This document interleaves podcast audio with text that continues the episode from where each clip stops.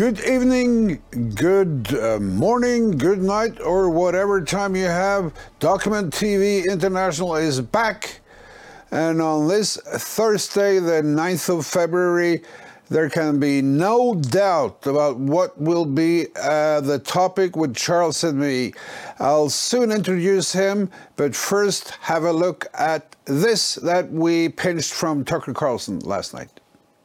So before the war in Ukraine even began, both Toria Nuland at the State Department, the number two at the State Department, and Joe Biden threatened to blow up the Nord Stream pipeline. Watch. I want to be clear with you today. If Russia invades Ukraine, one way or another, Nord Stream 2 will not move forward. If Russia invades, uh, that means tanks or troops crossing the, uh, the, the border of Ukraine again, then uh, there will be uh, we there will be no longer a Nord Stream two. We we will bring an end to it. What do, what, how will you, how will you do that exactly? Since the project and control of the project is within Germany's control.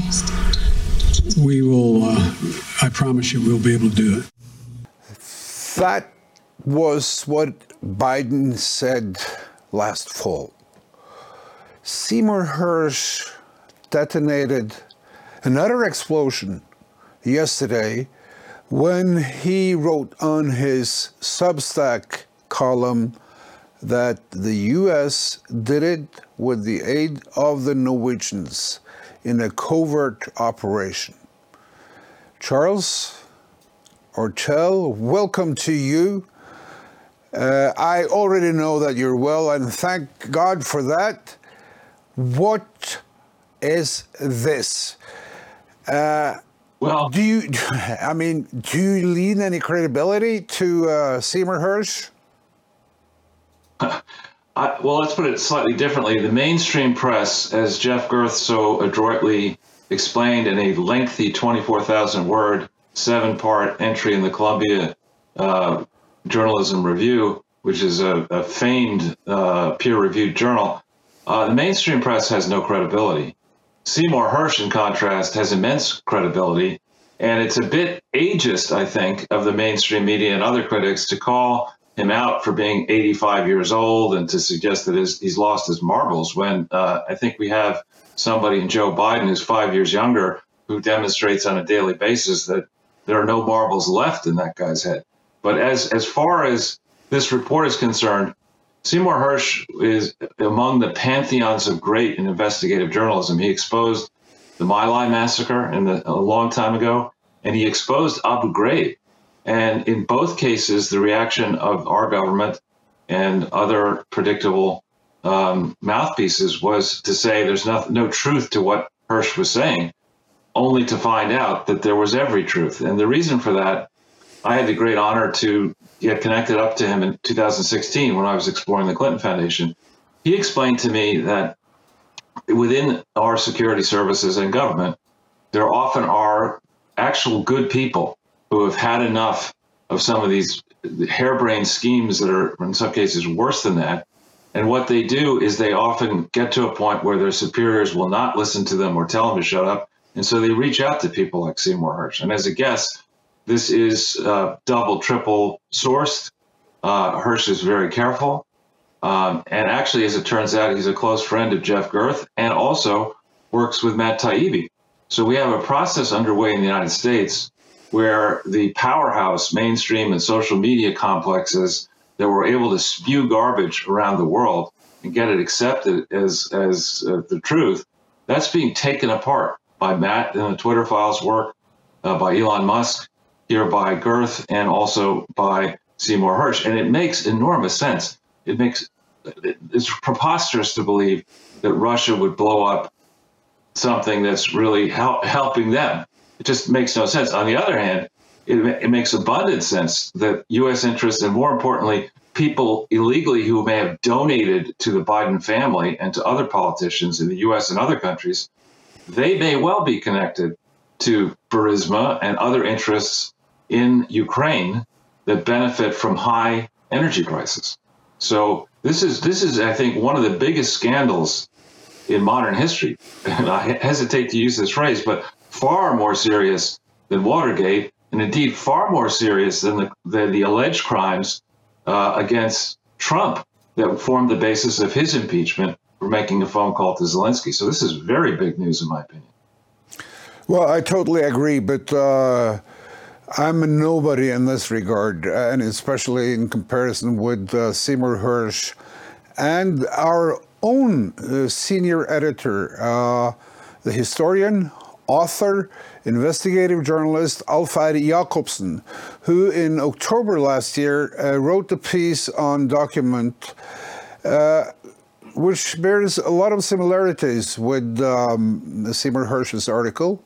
Very well researched too. Uh, he uh, Alf has written extensively on uh, uh, World War II, and especially about Norway's connections and um, to the Soviet Union. Alf uh, Eide Jacobsen lives in Spain and he's still writing and is uh, from time to time writing for Document, uh, of course. Last night he said this. Hans beskrivelse av hendelsesforløpet, som er jo nøyaktig sånn som alle vi andre eh, som har studert dette, er kommet til. Eh, myten om at Russland selv skulle sprenge sin egen, eh, sin egen gassrør er jo fullstendig uten troverdighet. Det det- Alle som tenker litt, skjønner det. For De behøvde ikke å sprenge det, de kunne bare skru av kranen.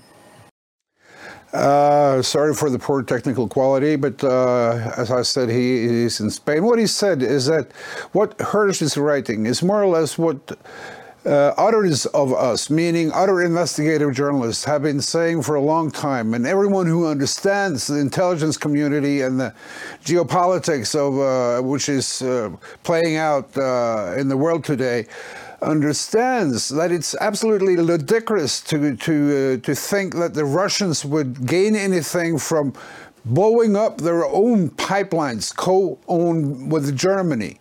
They could have just turned off the valves. It would have had the same effect. Now, uh, I want to ask you, Charles. Uh, the mainstream media, we know uh, their narrative and we know who they're bowing to. Uh, I had a look at Twitter earlier today, and, and Twitter was seething with uh, tweets in all languages. This uh, this story is going uh, around the world. What do you think it has to say for the credibility of? Let's uh, um, narrow it down to two governments: to the U.S. government and to the Norwegian government. Well, I think you have to look at this in the context of the various adventures that the U.S. and um, and frankly the UK have encouraged NATO to follow ever since 9/11. By 2003, uh, it was Colin Powell, then the Secretary of State, who said, on I believe the advice and counsel of multiple domestic and foreign security services, that Iraq had weapons of mass destruction. And on that basis, we went into Iraq. Um, we, we, there's a long list of, of disastrous adventures that were followed under Republican and under uh, Democratic leadership. The United States today still has one of the largest and most potent military forces in the world. And in NATO, we have a long-standing, in theory, defensive alliance. Is it really a defensive alliance? And if it isn't, do some of the nations that are part of NATO really want to be uh, to put themselves in the crosshairs of, of Russia and other potential nations that will be offended by what NATO here has done? Um, this should be a time of great intro- introspection, at least in the in the history that I know of America. The founders, when they put the country together, remember the, the first experiment did not work under the Articles of Confederation, and then we signed the Constitution. They were very fearful of the United States getting involved in foreign entanglements. Indeed, George Washington, in his farewell address, said, Beware foreign entanglements. And now that seems to be our specialty foreign entanglements run by people who are not subject to any review.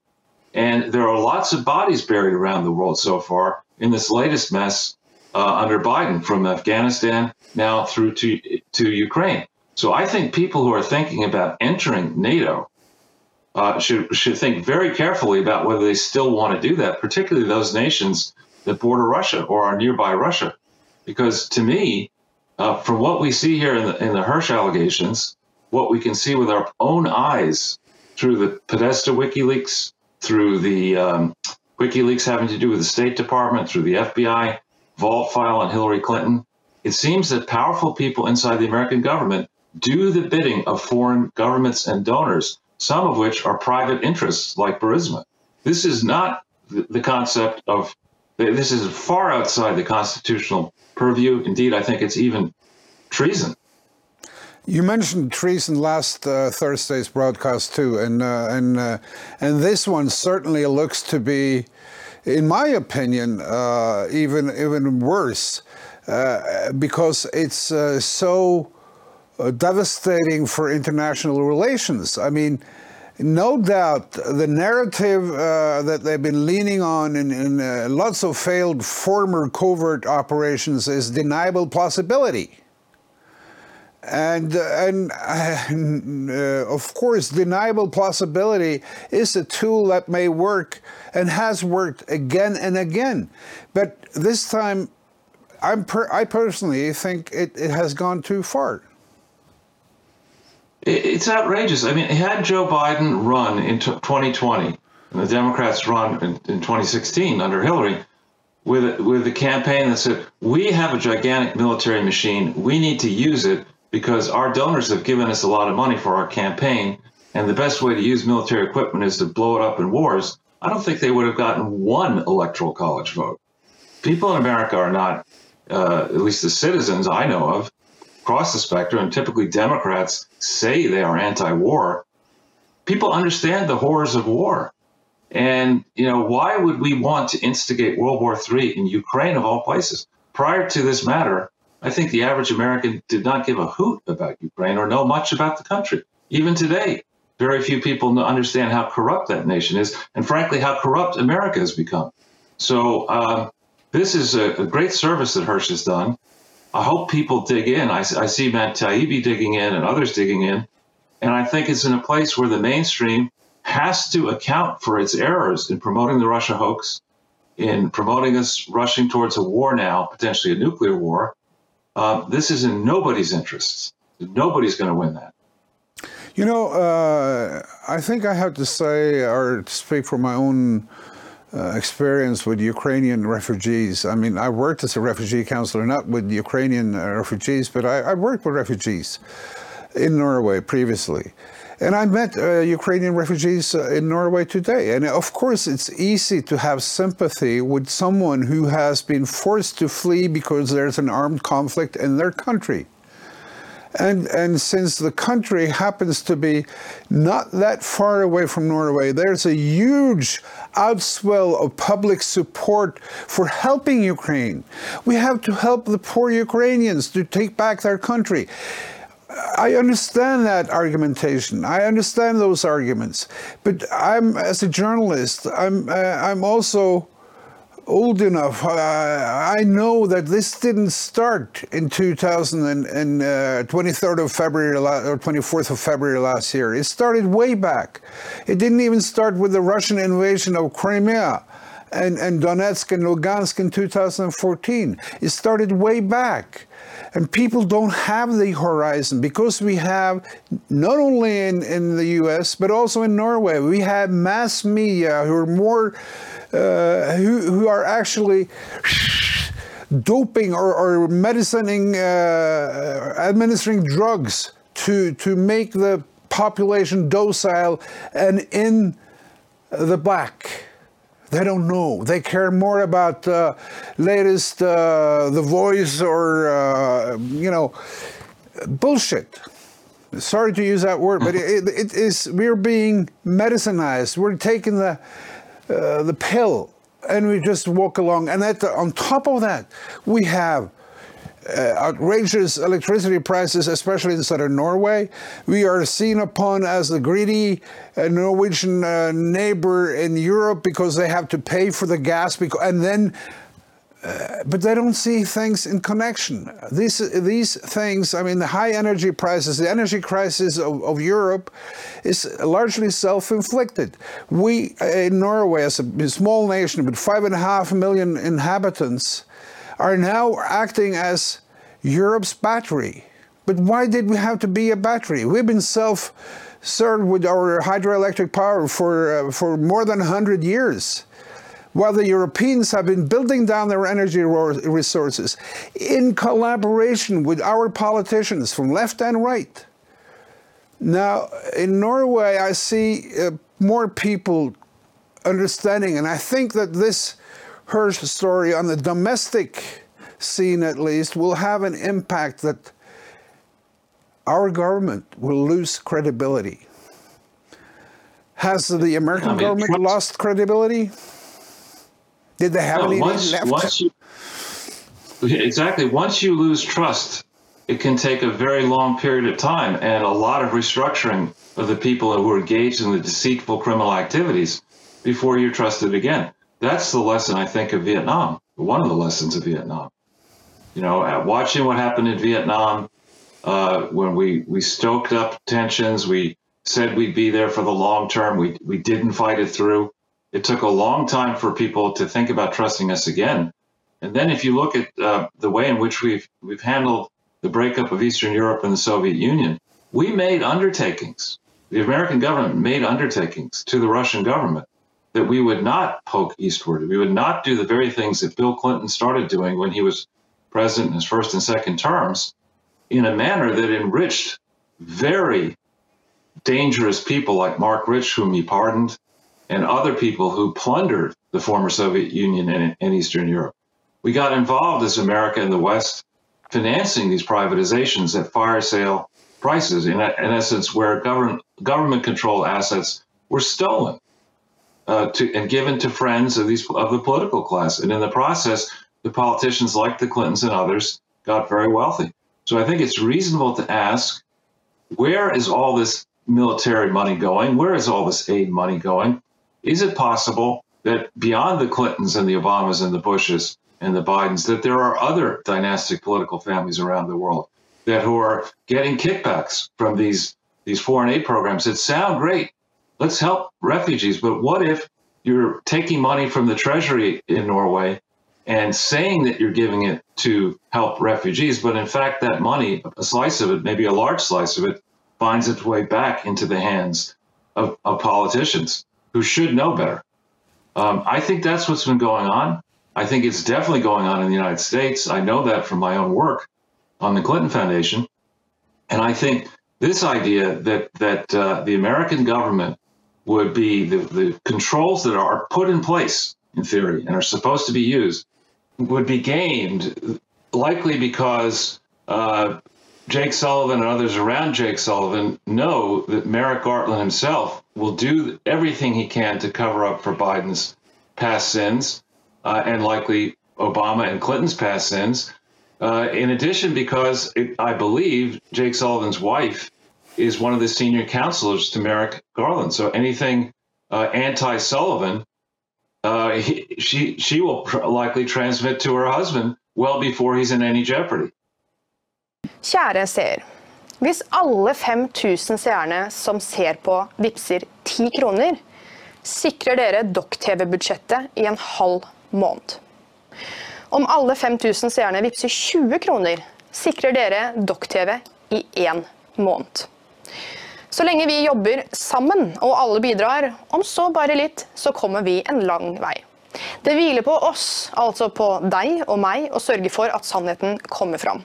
Og at Document bevarer sin rolle som det medier egentlig skal være, en vaktbikkje. Uten dere så klarer ikke vi det. Og uten oss så sitter dere igjen med medier som løper myndighetenes ærend. Vips til 638941. 638941. Fordi ditt bidrag gjør en enorm forskjell. Uh, you mentioned Biden uh, again. Uh, Jake Sullivan, we won't go into him now because we don't have that much time, but he's, uh, you know, he's central in this. Uh, last week we spoke about Biden Incorporated and we mentioned Burisma. Uh, if we are looking at who stood to gain from this presumably covert operations by the U.S., who do you see as the prime uh, beneficiaries? Well, I think the people who, behind Burisma, the people who were uh, investors in Burisma, the people who uh, were trying to attract support to Ukraine in the form of the IMF and World Bank help and other foreign aid to Ukraine, the oligarchs inside Ukraine, and those of the many people involved who may have been contributing money to politicians across the political spectrum and in many nations to try to ensure that their protection racket would not be exposed. Now, remember in this that after Jake Sullivan uh, worked for Hillary Clinton in a senior role at state, he, he then went to be national security advisor to Joe Biden in 2013 and 2014 when Biden was president. After that, um, he ended up by 2016 playing senior roles in Hillary Clinton's campaign. So, as they said about Watergate, the cover, Watergate, the cover up is worse than the crime here. There's a lot. There are actual crimes, I think, ongoing crimes. Then there's the cover up of same, uh, in which I think too many people in Washington D.C. and around the world are presently involved.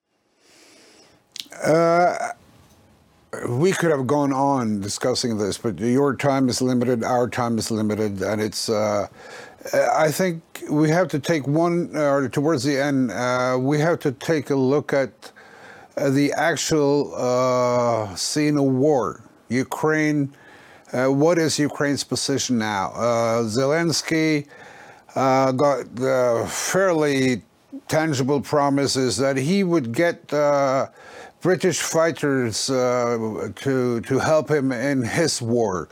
He's been to the European Parliament, and they're you know uh, they're pouring in support, also military support. And uh, then uh, I came across an interesting uh, tidbit about the Polish ex general. Let's have a look at uh, what he said. The Ukrainians predicted the Russian offensive and its directions. They will defend themselves until they inflict maximum damage. Some say they should counterattack. However, the Ukrainians do not have the strength and means to carry out a counteroffensive. This is the words by General Waldemar uh, sorry for my Polish pronunciation, who is also quoted on this on a, on a Polish internet uh, paper. I don't have the name of it right here. And I found this with uh, Amir Tsarfati, uh, an Israeli uh, who has a lot of good sources all over the world. Anyway, um, this was one view.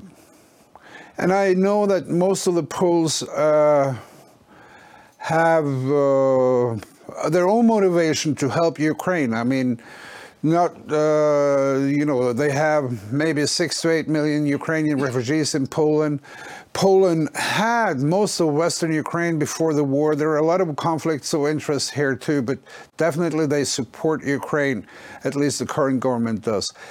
Now, from one ex general to another one, uh, Don, could you bring up that uh, screenshot of uh, General Wind? Horn, is that his name? Winman. Winman. What guy, kind of guy is this Winman, uh, Charles? He's a horrible human being. I mean, by his own admission, while he was serving, I don't, I don't think he was a general, I think he was a colonel. Um, while he was serving in the U.S. military, he was negotiating or entertaining the idea that he might become the defense minister of Ukraine. Um, Ukraine. This is somebody yeah, th- this is somebody who's featured centrally in the Trump impeachment trial, whose motives absolutely must be questioned. Um, and since when is the number one priority on planet Earth the defense of this corrupt regime? Since, you know, wh- why did this suddenly elevate itself to the number one most important thing? There are many injustices around the world. We can think about the African continent, we can think uh, many different places around the world. Why suddenly are we doing this? Why are we? Uh, do we have an unlimited line of credit extended to this operation? No oversight of it, and every reason to suspect that many bad things are happening here. Many odious things are happening here. Absolutely. The last person I would listen to is this Vindman. Absolutely, but I, I brought him brought him up. Uh, first of all, you you turned my attention to him before we went on air, but uh, look at his statements. He says, "Go all in. We have to pour our, our weapons. We should go in with tanks and troops, etc., etc."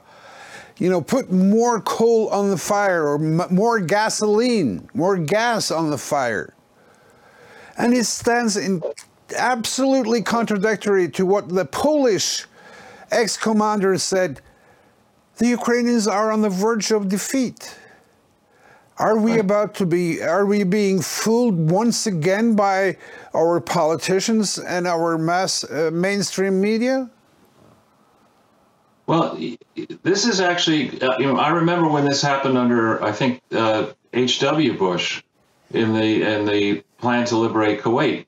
We were all, uh, I think, sold on the idea that the campaign would be painless to the Allies, that we have the, these modern munitions and there are not going to be civilian casualties. This will be a painless war. And in Ukraine, this is a painless proxy war, which was sold to us under the idea that there are not going to be American or Allied troops on the ground inside Ukraine in harm's way.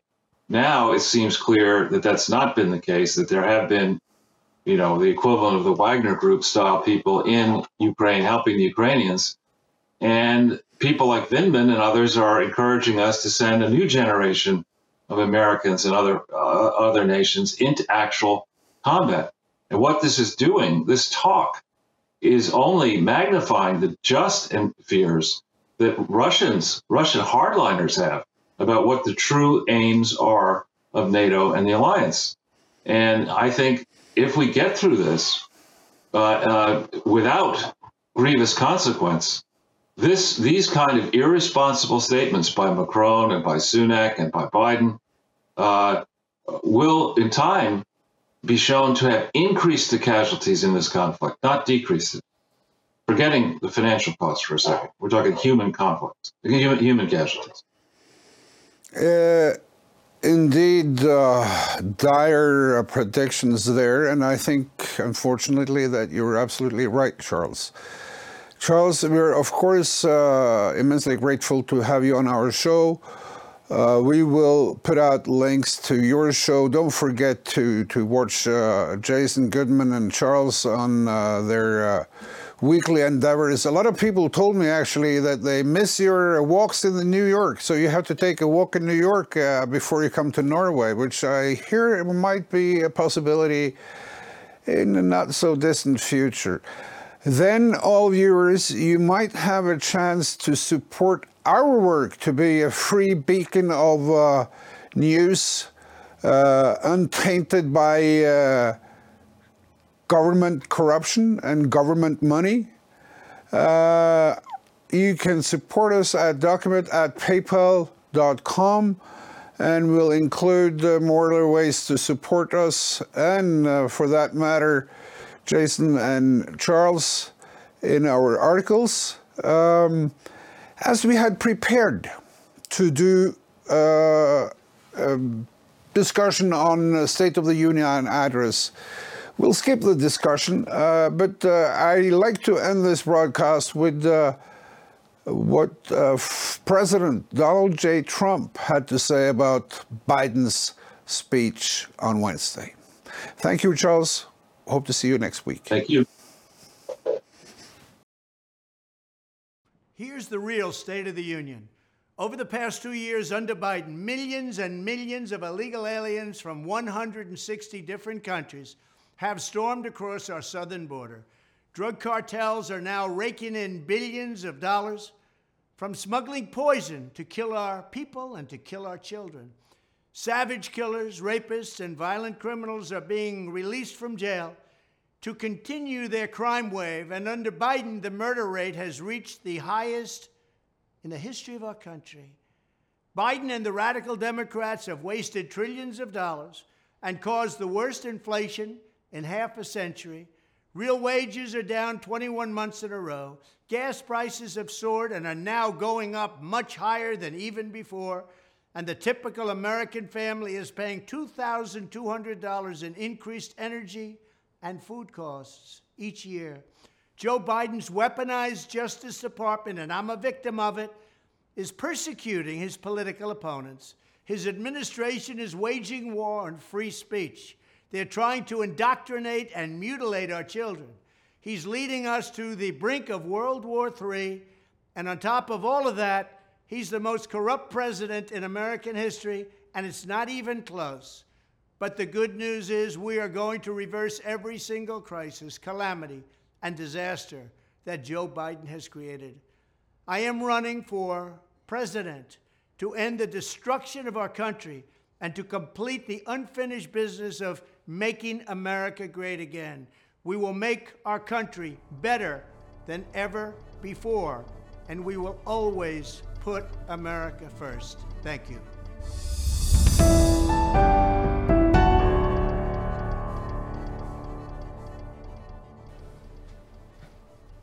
Neimen, hei! Har du også antistatlige holdninger? Ja, da har du kommet til rett sted. Da er Dokk-TV noe for deg. Men for at vi skal kunne lage Dokk-TV, så er vi avhengig av din støtte. Vips et bidrag til 63 89 41. Takk. Husk å vips, ellers så kommer klimatrollet og tar deg! Og jorden går under.